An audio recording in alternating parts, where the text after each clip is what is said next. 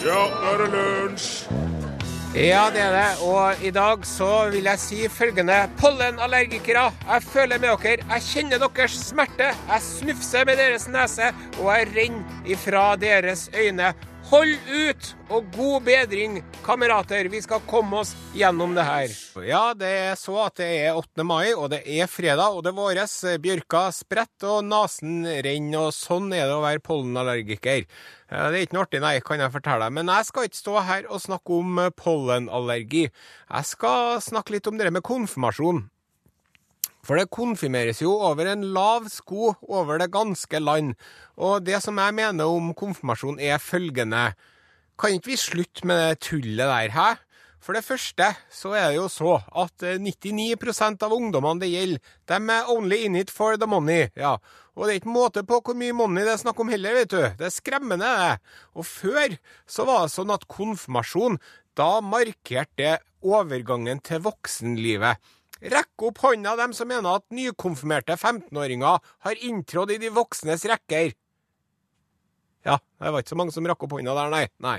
Og hvis konfirmasjon skulle ha markert overgangen til voksenlivet, da måtte man konfirmert seg når man var 25, da. Ja.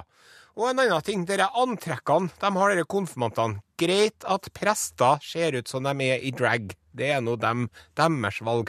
Men at du skal se ut som du er med på et glansbilde fra gamle dager, vet du, det er jo ikke bra. Og jeg skjønner jo at det er artig for dere det gjelder. Hvis jeg får konfirmant i huset en gang, så kommer jeg sikkert til å plage slekt og venner og naboer med det, jeg òg. Men det med konfirmanter det er som korsang og trolldeig og astrologi, sant? Det er sikkert artig for dem som driver på med det, men kan man være så snill å ikke plage andre med det? Det mener nå jeg, da. Ja. Når det er sagt, så er jo Altså, jeg er jo den første som skal være med på at man trenger ikke noe grunn. Eh, ingen grunn kan være for dårlig til å samle venner og over god mat og godt selskap og sånn. Så jeg vil gjerne få ønske alle konfirmantene, da, enten de konfirmerer seg kristelig eller ukristelig, humant eller sjamanistisk eller satanistisk, lykke til og tvi-tvi. Og så ønsker vi velkommen vår medprogramleder for siste gang i sommer. Mine damer og herrer, en stor applaus for Kari Sørbø. Vent, da. Vent, vent, vent. Vent, vent, vent. vent, vent. vent, vent. Jeg tar. En stor applaus for Kari Sørbø. Ja. Ingen som vil applaudere, vet du. Der! Der! Oi, oi, oi. Du har så mye artig på det, eh, her eh, miksebordet ditt. Are. Tusen, tusen takk. Jeg vet ikke hvem som eh, klapper. Det, det er bare å, å være glad for det. De er sikkert døde alle sammen. Opptaket er tatt rett etter krigen, vet du, og nå fikk noen folk til å klappe. Du, Kari Sørbø, få spørre deg. Er du i slekt med han derre Sørebø, den gamle NRK-bautaen? Han Herbjørn, ja. Ja. vi er jo faktisk i slekt langt ute. Er dere det, ja? fire femmenninger. Men altså, mm, min far, da, han Ja. heter jo også Sørebø. Ja. Men han likte ikke den derre e-en, så han skifta navn til Sørbø. Ja. Men Herbjørn og jeg, da Herbjørn er jo dessverre ikke lenger blant oss, men Nei. eh, vi har jo snakka om det her, så vi er jo i slekta langt ute. Ja. Veldig bra. Jeg lurer på hvorfor du spør om det, men det kan vi ta etter sending. Ja, det var nå Ja. bare sånn jeg tenkte noe, Når jeg sa det, vet du, så tenkte jeg at, eh, at det skulle være litt sånn at eh, du ble litt irritert for at det er to forskjellige navn, at de ikke har noe med hverandre å gjøre i hele tatt, vet du. Det kommer fra Sørbøvåg, Hyllestad kommune. Ja. ja. Så slik er det med den saka. Veldig bra. Gikk du glipp av noe i lunsjen? Eller vil du høre det igjen? nrk.no podkast. Ja. Vi snakka jo i begynnelsen av uken om eh, prinsessefødselen eh, borte i England. ja. Det ble jo Charlotte, da. Det er jo det kvinnelige eh, navnet på Charles. sant? Det Charlotte Elisabeth Diana. Ja, det kom Diana også, som nummer tre, da. Så jeg Mor, far og farmor. Ja. Ja. Um, nå er det så at uh, borti Japan så har de en, uh, en dyrepark uh, viet spesielt for eh, apekatter, som heter for Takasakifjellets ville apepark. Og der har de en fast tradisjon at den første macaque-apen som blir født hvert år Det er en sånn ape som ligner litt på apen til Pippi Langstrømpe, men den er ikke akkurat samme. Men den er sånn, en apekatt. Og når den første macaque-apen Jeg sjekka uttalen på internett. Jeg har så lyst til å si makak, men det står macaque. Når den første macaque-apen blir født, så utlyser de en konkurranse om at folk skal stemme. på hva den apen skal hete. Og eh, det som eh, kom inn Det skjedde altså noe på mandagskvelden. Da røy det inn 59 stemmer på Charlotte. Av 853 stemmer så var det eh, 59 som eh, stemte på Charlotte, da. Og de sa det. OK, nå har vi fått eh, navnet. Eh, førsteplassen eh, går til eh, Charlotte, og Macaque-babyen skal hete Charlotte. Og det er jo vel og bra.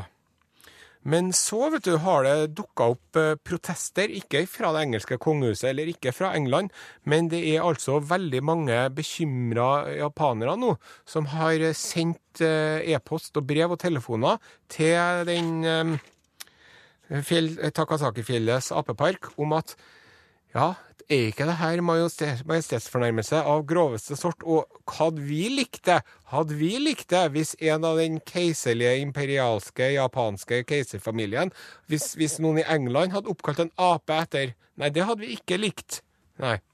Det aner meg hvor denne historien slutter, du. Ja, så nå driver de og diskuterer da, om de skal øh, gi den apen et nytt navn eller ikke.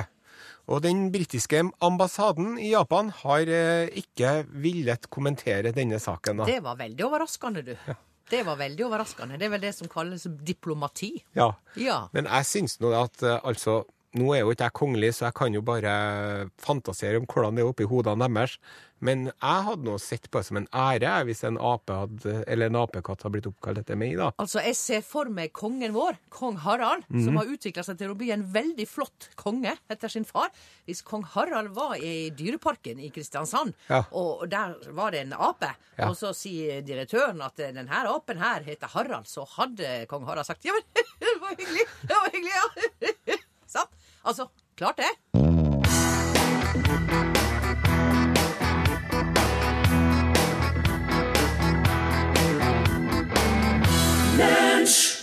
Ukens programledere heter Are Sende Osen og Kari Sørbø, og i dag er det 8. mai. Og nå skal du få høre et eh, klipp, eh, NRK-opptak fra 8. mai 1945. Her kommer det. Små og store på benene. Barna er grepet og viser sin glede i små improviserte barnetog med tromming og sang.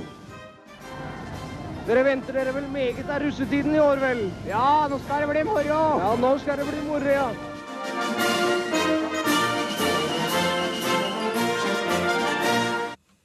Ja, Kari. Eh, du har jo noen tanker om det her rundt 8. mai. Fortell. Ja. Det viktigste å si er jo at det var jo veldig bra at det ble fred også i Norge etter fem år med krig. Det har vi jo vært innom tidligere eh, denne veka i lunsj.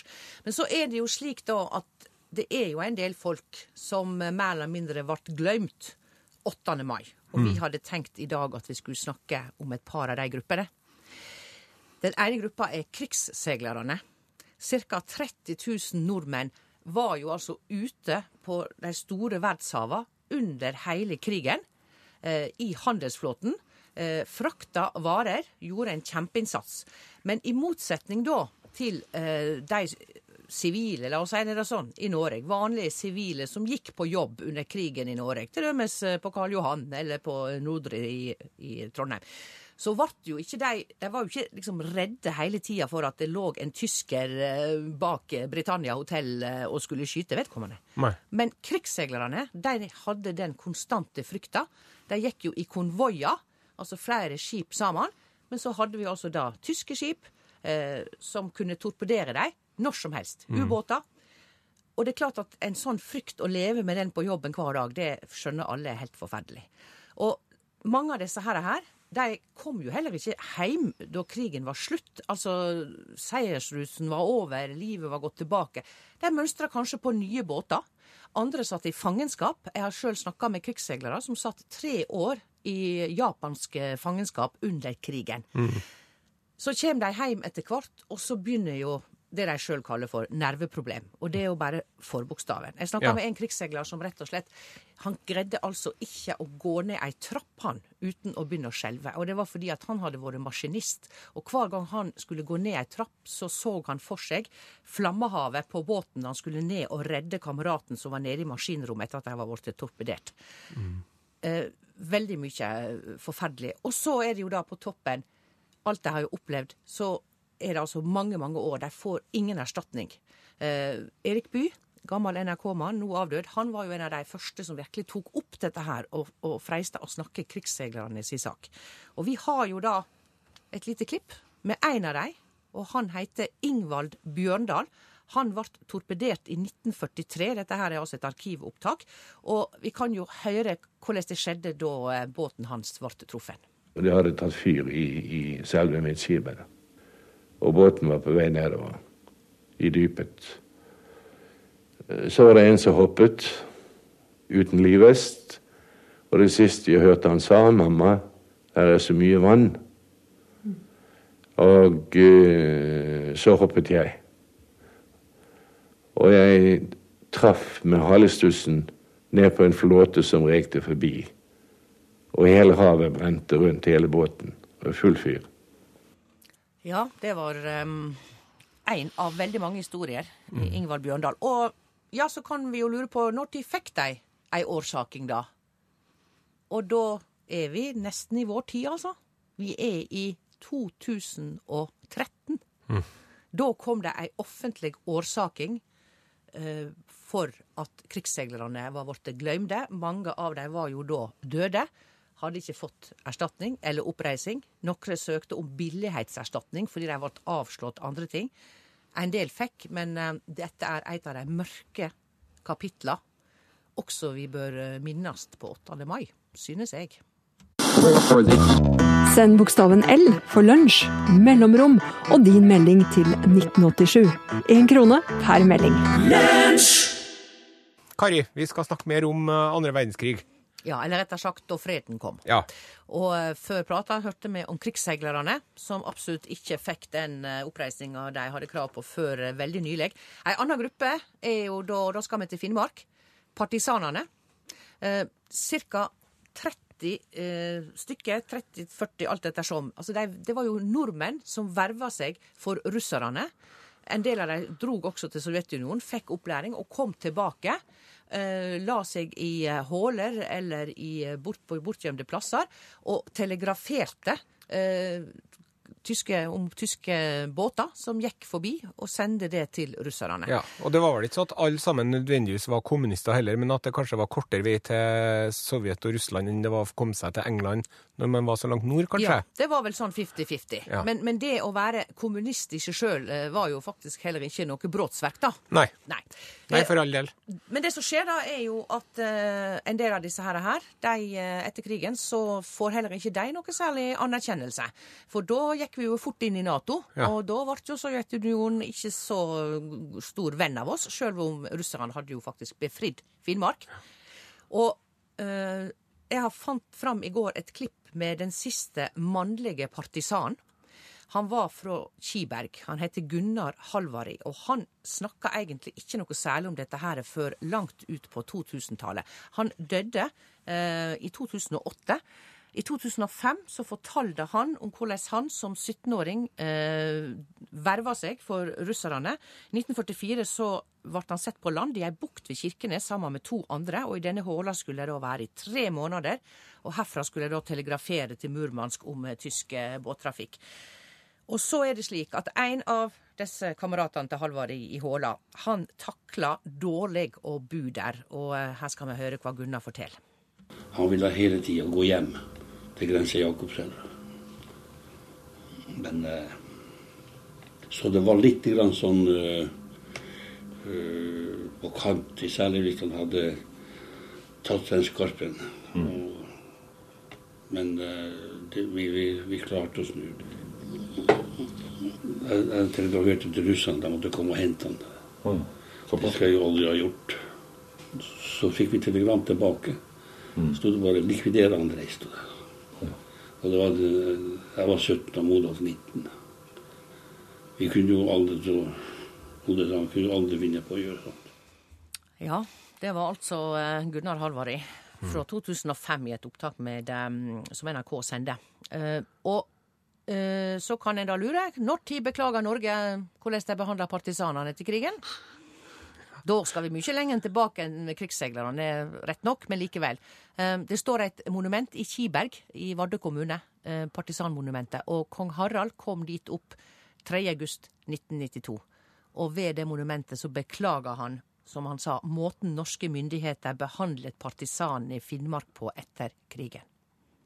Men det tar sin tid. Mm.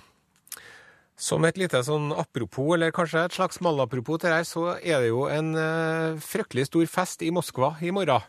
Da feirer de at eh, det er 70 år siden eh, seieren over Tyskland, Sovjetunionen, da, i Moskva. Og der er ikke Norges regjering representert. Nei, Solberg har sagt nei til dette her, da. Og det kan en jo si på én måte, at det er jo greit nok, det. Fordi at de liker jo altså ikke hva Putin gjorde i Ukraina. Og på den andre sida så kan en si ja, kanskje en likevel burde ha vært der, med tanke på at veldig mye av krigen i Norge, eh, og hvem som ofra noe her, det foregikk jo i nord. Og det, mm. og det, var faktisk slik, som jeg sa, at det var russerne som befridde Finnmark. Og de ble ikke stående i Finnmark, de trekte seg ut. Ja. Mens vi vet hva som skjedde i østblokklandene, Polen til dømes, der eh, de har hatt stående i mange år, for å si det mildt. Mm. Altså det er et eller annet her med holdninger eh, til historia og kjenne historia si. Det var Men, eh, over 20 millioner mennesker som døde fra Sovjetunionen under andre verdenskrig. Ja, det var flere enn i forhold til folketallet. Det var vel 15-16% av russerne som gikk med, og så var det, så vidt jeg husker nå, 12% av tyskerne. Så det var ingen som hadde så store tap i andre verdenskrigen som russerne. Send e-post bokstaven L for lunsj. Krøllav fra nrk.no. Nå Kari Sørbø, har vi snakka så mye om eh, den andre verdenskrigen at vi er nødt til å snakke litt om den første verdenskrigen òg.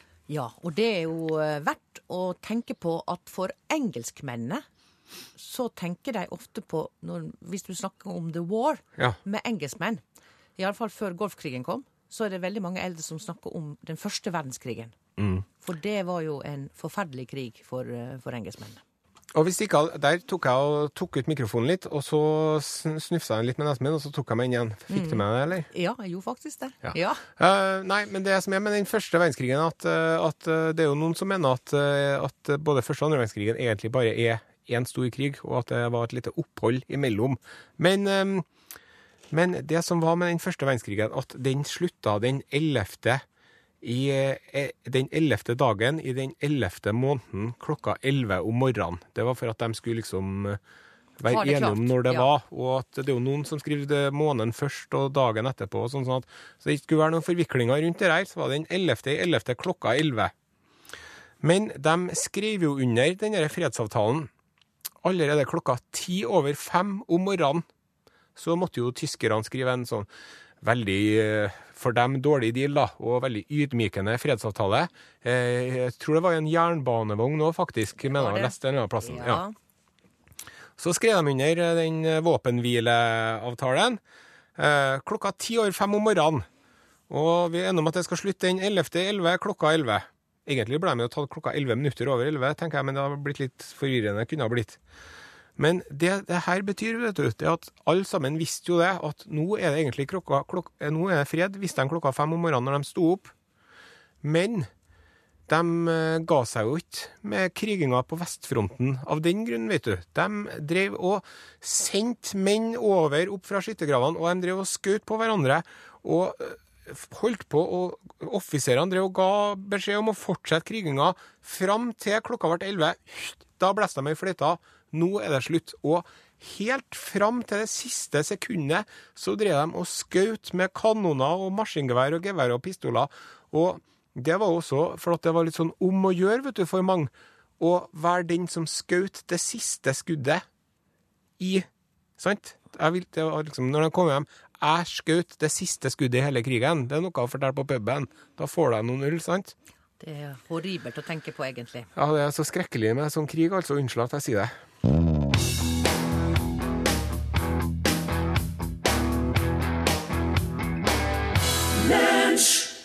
Jeg leser en uh, skrekkelig historie på internett, uh, Kari, om en uh, mann i Texas som var ute og klipte plener. Og så var han ikke klar over at det var noen som driver med bikuber rett ved siden av i hagen, så han klarte jo å sterre opp de 4000 biene pluss pluss, og døde rett og slett da av 4000 bistikk. Og det her er jo noe som du kan forholde deg til eh, i enda større grad enn mange andre. Jeg vil jo helst ikke forholde meg til det, da.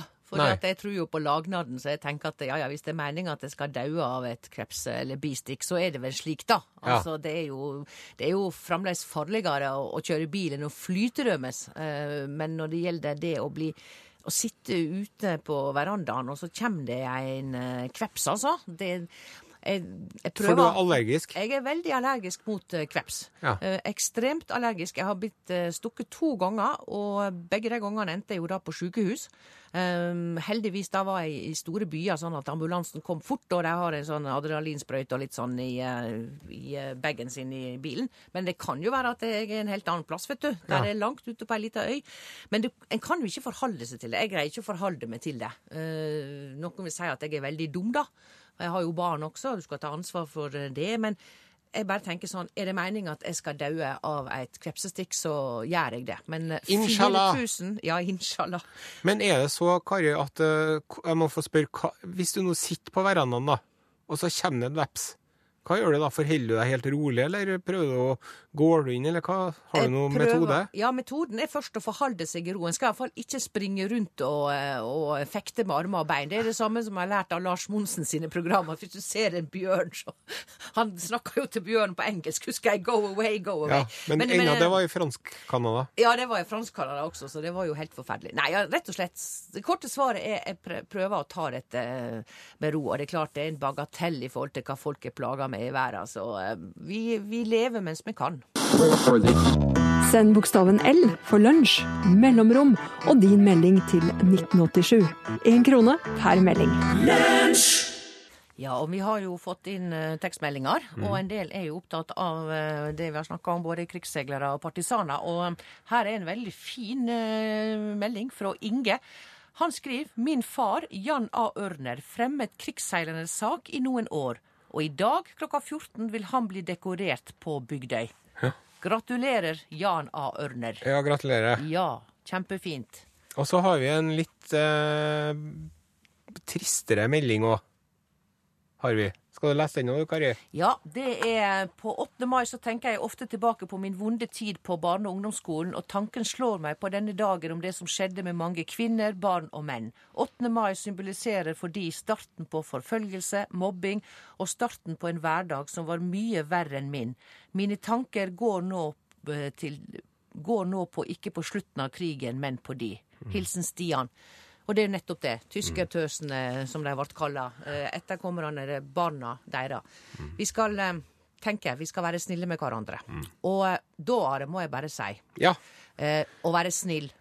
Jeg har jo prøvd å være snill med deg, men på mandag så, så må du også være like snill tilbake, for da kommer O Odin Jensenius. Ja, ja, det gjør han faktisk. Det må vi jo nesten uh, Ikke for å blæse i sin egen trompet, men man må i hvert fall si fra, si at man har en trompet. Og på mandagen så braker det løs en gjenforening av Are Odin på norsk radio for første gang på ti år, faktisk. Så det er jo Og det kanskje... blir pianospill også. Vi skal jo ha en piano her. Ja, vi har fått her... hyra inn vår superpianist ja. Flaten. Har uh, tatt seg fri fra Sound of Music-oppsetningen på Trøndelag Teater. Og nå skal han uh, Gudbjørn utpå der uh, mikke opp uh, elpiano og alt mulig til oss, sånn at alt er klappet og klart til mandagsmorgenen. da. Så da blir det sang og spel og moro. Ja. Og da takker jeg for meg. Det Vært veldig kjekt å være her. De som liker meg, blir sikkert lei seg. Og de som ikke liker meg, blir veldig glad nå for at jeg er ferdig i lunsj. Og Elin, alle liker deg i norgesklasse. Hei, vent, hei, skal ha, skal, sånn, skal få være med, du òg. Ja. Tusen hjertelig. Det var da veldig hyggelig sagt av deg. Men uh, kan jeg bare få lov å si at uh, jeg, om jeg har vært litt starstruck denne uka over at du har vært her Are og Odin neste uke? Mm. Oi, oi, oi, oi, oi. Ja, OK. Det er ikke en barndomsdrøm, men en ungdomsdrøm. Ja, det må jeg si. Ja, takk for det. Vi får nå håpe at uh, det er jo ti år siden sist, så det blir noe spennende å se hvordan det går. Men jeg, jeg tror det kommer til å gå bra, altså. Det er på grunn av dere har begynt å høre på radio igjen. Var det? Ja. For dere var på TV-en. Radio på TV, det var kult. Men, Men, eh, eh, nok om oss, eh, Ja. Elin. Hva er det som skjer i norgesklasse i Nei, det er jo noe av det som kan hende skjer neste uke når dere går på radioen, da. Stønning. Å ja. Ja, stønning i det offentlige rom, kanskje til og med. Jaha. Er det greit på noe tidspunkt? Ja, når man uh, hus, Det er to søstrene som spiller tennis, for eksempel. Ja. De stønner jo høyt og intenst. Mm. Men de spiller jo tennis, da, så de driver på med en fysisk aktivitet. Ja. Ja. Er det greit ellers? Jeg er ikke sikker på hva du mener med stønning. Jeg begynte å tenke litt sånn på sex og sånt. Jeg lurte Ja. på om det var det, da, med tanke på det paret borte i Florida som nå er blitt sexforbrytere. Men det, det er ikke den Det er sånn derre Å bare stønne mens du står i køa ja. på butikken.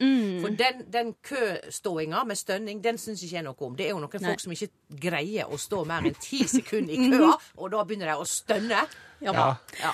Ja, Vi skal altså snakke om, eh, om stønning i norgesklasse i dag på, eh, på forskjellige idé. måter. Ja. Jogging Men, og stønning er jo også noe. Ja, særlig, særlig når, hvis noen jogger forbi deg. Ja. Da må jeg ærlig innrømme at da kan det hende det kommer litt lyd. Da er det ofte jeg tenker hvordan var det med den der hjertekompresjonen, for Ja. jeg tror at de holder på å omkomme. Ha, ha, ha, ha.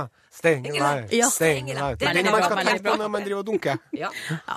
Men eh, jeg må jo si at selvfølgelig så står også frigjøringsdagen helt øverst på eh, vår plan i eh, norgesklasse. Vi glemmer ikke det.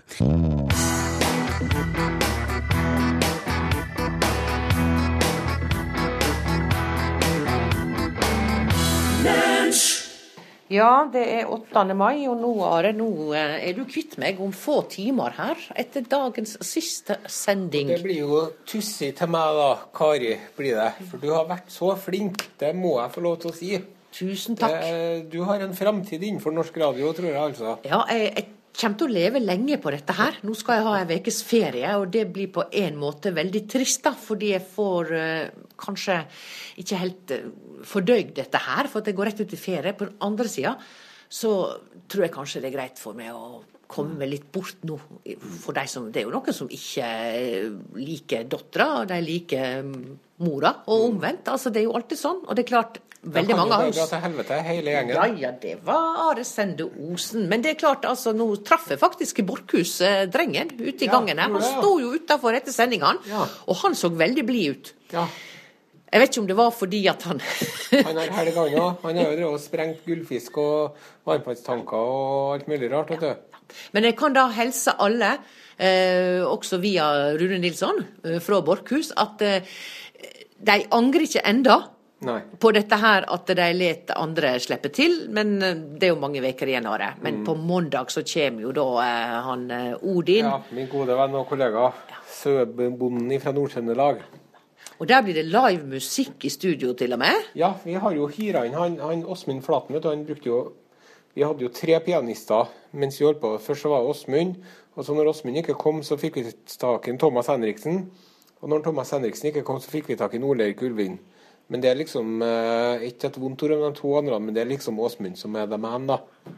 Så det blir veldig artig når han kommer nå. Det er jo en ting jeg har lurt på i alle år, da. Jeg later iallfall som jeg lurer på det, Are. Altså, du er jo, du er jo deg sjøl, som Are. Men så er det jo Odin, da. Ja. Odin er jo både Odin, men så er han jo Altså, det er jo en fyr bak der, og han heter jo Klaus Sonstad. Det vet vi jo alle. Og altså, er det egentlig sånn, du, at, det, at det, Klaus er Odin, altså? Altså, Han er egentlig sånn? Så koselig hele tida, eller Det er er et godt spørsmål, men det er, altså, det er litt sånn som Batman og Bruce Wayne. Ja. Det er litt som Dr. Jekyll og Mr. Hyde.